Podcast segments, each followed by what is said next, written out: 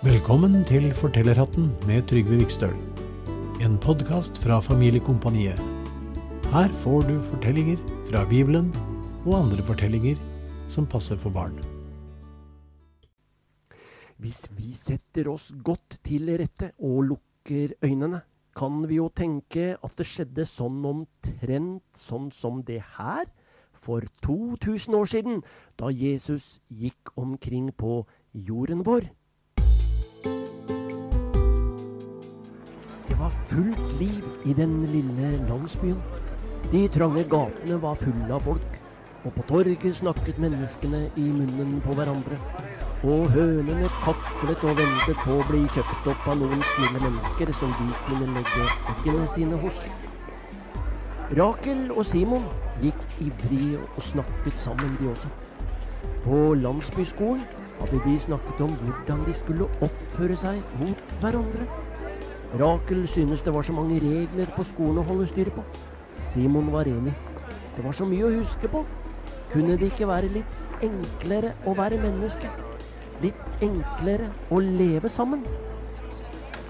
Det var da de så et oppslag på stolpen midt på torget. Profeten Jesus fra Nasaret skulle ha samling på den store høyden utenfor byen akkurat denne ettermiddagen. Rakel og Simon så på hverandre. To unge mennesker, men én tanke. De hadde hørt om Jesus. Han lærte slik at folk skjønte hva han snakket om. Selv vanskelige ting ble enkelt når Jesus snakket om det. De så på solen på himmelen.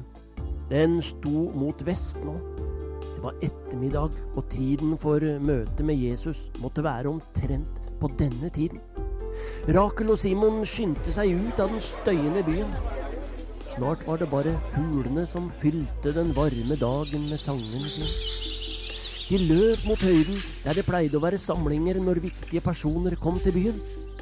Det var tunge bakker oppover, og de kjente hvordan vinden tok tak i skjortene deres. Det var deilig og friskt, for solen brente enda ganske varm selv om det begynte å bli ettermiddag.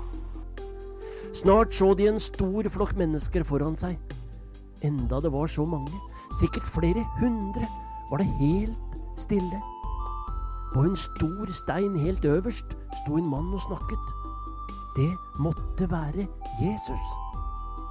Simon tok tak i en han kjente fra nabohuset hjemme. Hva er det han snakker om? spurte han stille. Akkurat nå snakker han om hvordan vi skal være mot hverandre, sa mannen og gjorde tegn til at Simon skulle være stille. Simon så på Rakel, som sto med åpen munn. De hadde kommet akkurat i tide. De gikk forsiktig nærmere, helt fram til der Jesus sto. Jesus snudde seg mot dem. Så stanset han. Det var som om han så hva de tenkte. Så sa han med høy røst, slik at alle kunne høre. Alt det dere vil at andre skal gjøre mot dere, det skal dere gjøre mot dem. Nå satt både Simon og Rakel med vidåpen munn. De listet seg stille tilbake i utkanten av folkemassen. De hadde hørt nok. Akkurat det de hadde snakket om. Tenk at det som de syntes var så vanskelig, kunne være så enkelt. De løp ned fra fjellet og ropte i munnen på hverandre. Alt det jeg vil at andre skal gjøre mot meg, det skal jeg gjøre mot dem. Tenk at det kunne være så enkelt.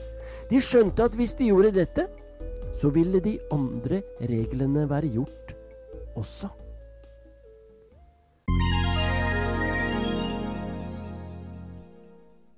Da var det slutt for denne gang. Du har hørt Trygve Vikstøl i Fortellerhatten, en podkast fra Familiekompaniet. Vil du høre flere episoder, så følg med og abonner på denne podkasten.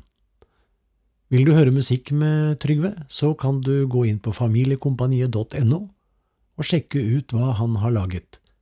Du kan også søke på Trygve Vikstøl på ulike strømmetjenester som Spotify, Apple Musikk, YouTube osv. Lykke til!